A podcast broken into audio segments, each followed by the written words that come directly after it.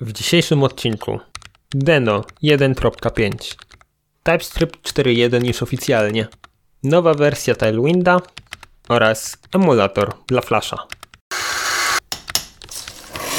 Devspresso. Newsy przedstawi dzisiaj Piotrek. I Łukasz. Cześć Łukasz, witam Cię w nowym odcinku Devspresso.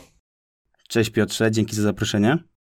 Słuchaj, mamy trochę newsów, więc może lecimy z tematem po kolei, co tam mam, mamy.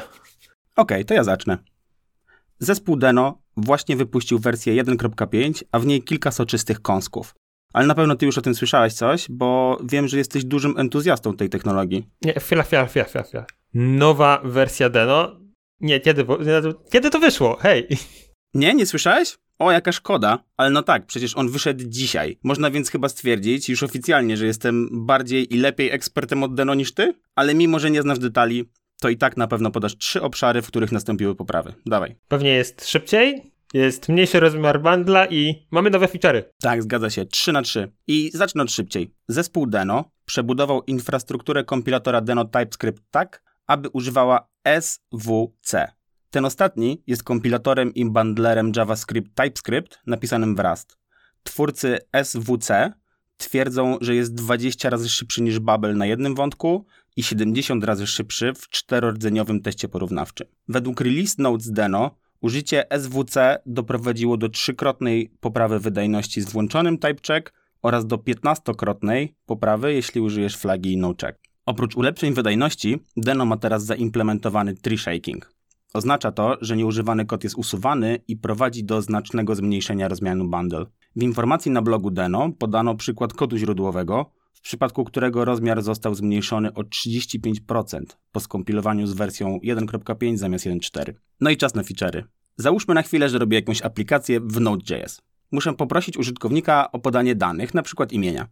Jak się do tego zabrać, Piotrek? No to znając życie, to mamy tak. Wprowadzanie danych w Node może wymagać od programisty, żeby bawił się trochę z tymi strumieniami wejścia, wyjścia, proces stdinem i, i autem, lub korzystając z jakiejś biblioteki. I to chcesz mi powiedzieć, że w Deno jest prościej? Oj tak, wraz z Deno 1.5 otrzymujemy proste rozwiązanie out of the box. Żadnych dodatkowych zależności. Nowa wersja Deno implementuje interfejsy API Alert, Confirm i Prompt z podobną semantyką jak w przeglądarce. Na przykład w przeglądarce e, window.prompt wyświetla okno dialogowe z opcjonalnym komunikatem zachęcającym użytkownika do wprowadzenia tekstu. W terminalu Deno będzie można podobnie podpowiadać użytkownikowi i blokować synchronicznie, aż do momentu wpisania tego inputu przez użytkownika. Ale na koniec tego newsa dodam jeszcze osobiste wyznanie. Mianowicie, że ja jestem jednak oszustem i blagierem. Przecież ja nigdy w życiu nic nie napisałem w Deno. Nie tylko to, ale też dzisiaj przygotowując tego newsa odkryłem, ku mojemu zdumieniu, że Deno to anagram Node, co jest zgrabnym zagraniem mi na nosie twórcy obu tych technologii. D, no, no, D, get it? Dlatego też chciałem podziękować Tobie, Piotrze, bo po raz pierwszy dowiedziałem się o Deno słuchając pierwszych odcinków tego podcastu w lipcu. Dziękuję również Marcinowi, z którym pracuję w jednej firmie, że podrzucił mi link do tego release, dzięki czemu byłem w stanie opracować go przed Tobą, Piotrze. Podrzucajcie nam linki do newsów, różnych ciekawostek. Możecie też komentować oczywiście na YouTube, bo bez tego zostanie nam mówienie o rzeczach sprzed dwóch, trzech miesięcy. Takich jak na przykład to, że Sebastian mówił nam o TypeScriptie 4.1 w wersji beta, staje się w październiku, a niedawno został on oficjalnie wydany. I co, to już koniec newsa? To jest właśnie ten problem, że za szybko podajemy newsy. Sebastian powiedział wszystko na temat bety miesiąc temu i skanibalizował nam ten temat. Nie mam już więcej nic do dodania? Może chociaż przeleć po headlinach tej wersji. Jasne, pozwól, że przypomnę Ci trzy duże nowe funkcjonalności. To na początek Template Literal Types, czyli bloki konstrukcyjne dla łańcuchów szablonowych. Mają tę samą składnię co łańcuchy szablonowe w języku JavaScript, ale są używane w pozycjach typu. Kiedy więc użyjesz ich z typami literałów, utworzą nowy typ łańcuchów szablonowych poprzez konkatenację zawartości. Mega funkcjonalność, nie? Tak, ja, ja to bardzo lubię, to mi się bardzo podoba, ale to trzeba rzeczywiście zobaczyć e, przykład, żeby zrozumieć. Dokładnie tak. To lecimy z następnym. Mapped Type Key Remapping. Funkcja ta pozwala na ponowne mapowanie kluczy w mapowanych typach z nową klauzulą S, no i może to nam pomóc w wykorzystaniu funkcji takich jak właśnie łańcuch szablonowy do tworzenia nazw właściwości na podstawie starszych nazw właściwości. Także możesz też sobie odfiltrować klucze, tworząc tak zwany never. Okej, okay, okej. Okay. Rekurencyjne typy warunkowe. Typy warunkowe mogą teraz natychmiast odwoływać się do siebie na swoich gałęziach, co ułatwia pisanie rekurencyjnych aliasów typów i modeluje tą zdolność funkcji JavaScriptu do spłaszczania i tworzenia typów jako kontenery na, na dowolnych poziomach. Więc trochę tych rzeczy tutaj mamy w nowym TypeScriptie. Jest trochę więcej. Dodatkowo, jeżeli korzystasz z Prettiera, to warto tutaj wspomnieć, że hej, wyszła nowa wersja. I ta wersja nie wnosi nic specjalnego oprócz tego, że hej, wspieramy nowego TypeScripta. No tak, ja z Prettiera korzystam na co dzień, z TypeScripta również korzystam na co dzień. A wiesz, z czego nie korzystałem jeszcze nigdy w życiu? No więc pewnie tak jak wielu programistów, nie za bardzo byłeś przekonany do posługiwania się frameworkami do CSS-ów, bo wszystkie są ciężkie i niewygodne. No i właśnie jednym z takich frameworków jest Tailwind, a ten w ostatnim tygodniu dostał bardzo gruby update, bo oznaczenie wersji przeskoczyło automatycznie na 2.0. Okej, okay, jestem zaciekawiony. Czemu mam korzystać z Tailwind? Co zatem mamy w nowym Tailwindzie? Nowa paleta kolorów. Zwiększyli ją z 10 kolorów do 22. Hej, jest ich więcej. Brawo. Ma, jest wsparcie dla Dark Moda. W końcu dziękuję.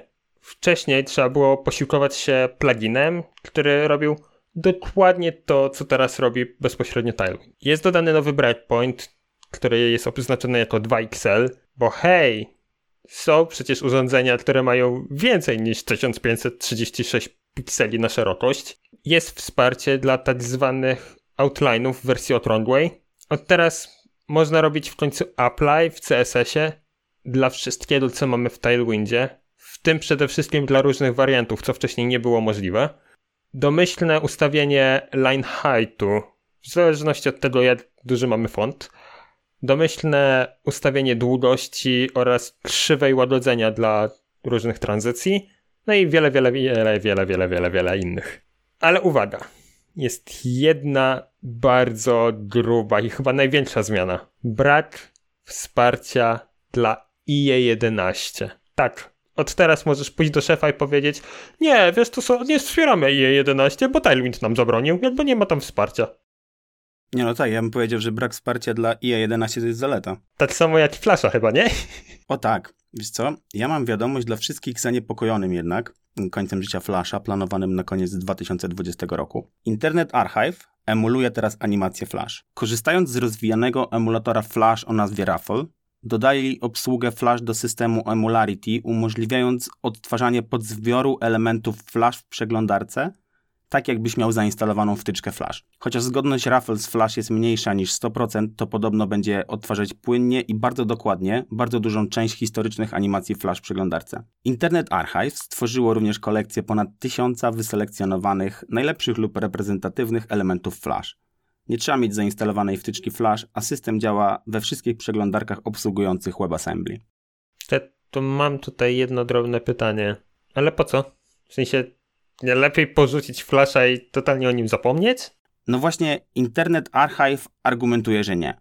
I żeby być precyzyjnym, oni nie zachęcają nikogo do tworzenia nowych treści na flasha. Chcą jedynie zachować te już wyprodukowane dla potomnych. Jak mówią na blogu, sam flash nie jest tak dużą stratą, jak cała sztuka i kreatywność, które zawierał.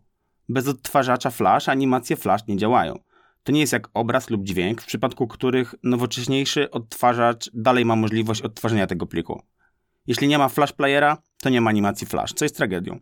Jak zobaczysz w kolekcji archiwum, Flash zapewnił wielu młodym twórcom furtkę do tworzenia gier i animacji na poziomie niemal profesjonalnym, dając im pierwsze kroki do dalszej kariery.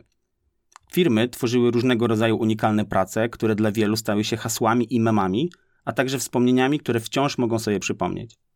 Także odszyjcie łzy, fani starych animacji flashowych. Z dużym prawdopodobieństwem będzie dało się je dalej otworzyć długo po zniknięciu ostatniej wtyczki flashowej w nowoczesnych przeglądarkach. No ja osobiście nie będę tęsknił za flashem, bardzo się cieszę, że już jest jego koniec, ale jednocześnie jest mi bardzo smutno i przykro, bo niestety, niestety doszliśmy do końca dzisiejszych newsów. No niestety tak. Ale dobra wiadomość jest taka, że nowe newsy już za tydzień. Dokładnie tak. Jak co tydzień, jak co tydzień. Bardzo dziękuję za przybycie. No, dzięki Piotrze. Cześć. Trzymaj się, hej.